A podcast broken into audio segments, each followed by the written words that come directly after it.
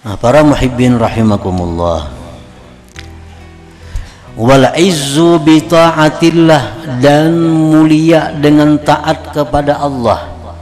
Ini untuk orang-orang salikin. Dia itu orang-orang salikin, dia mulia dengan taat kepada Allah. Mulia dengan taat kepada Allah itu yakunu bil mubadarah limtithali amrillah wajtina binahyi wal iktsari min zikri wal ijtihad fi tahsili birri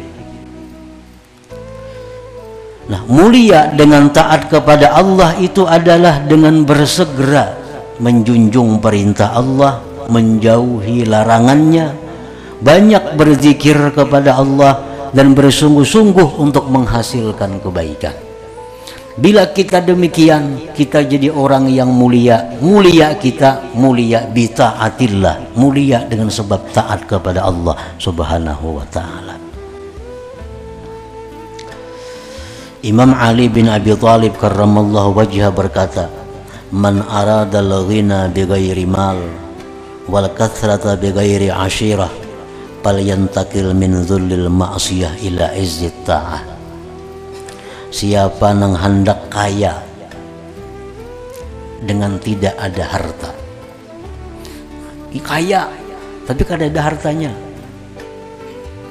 Banyak tapi tidak ada pengikutnya.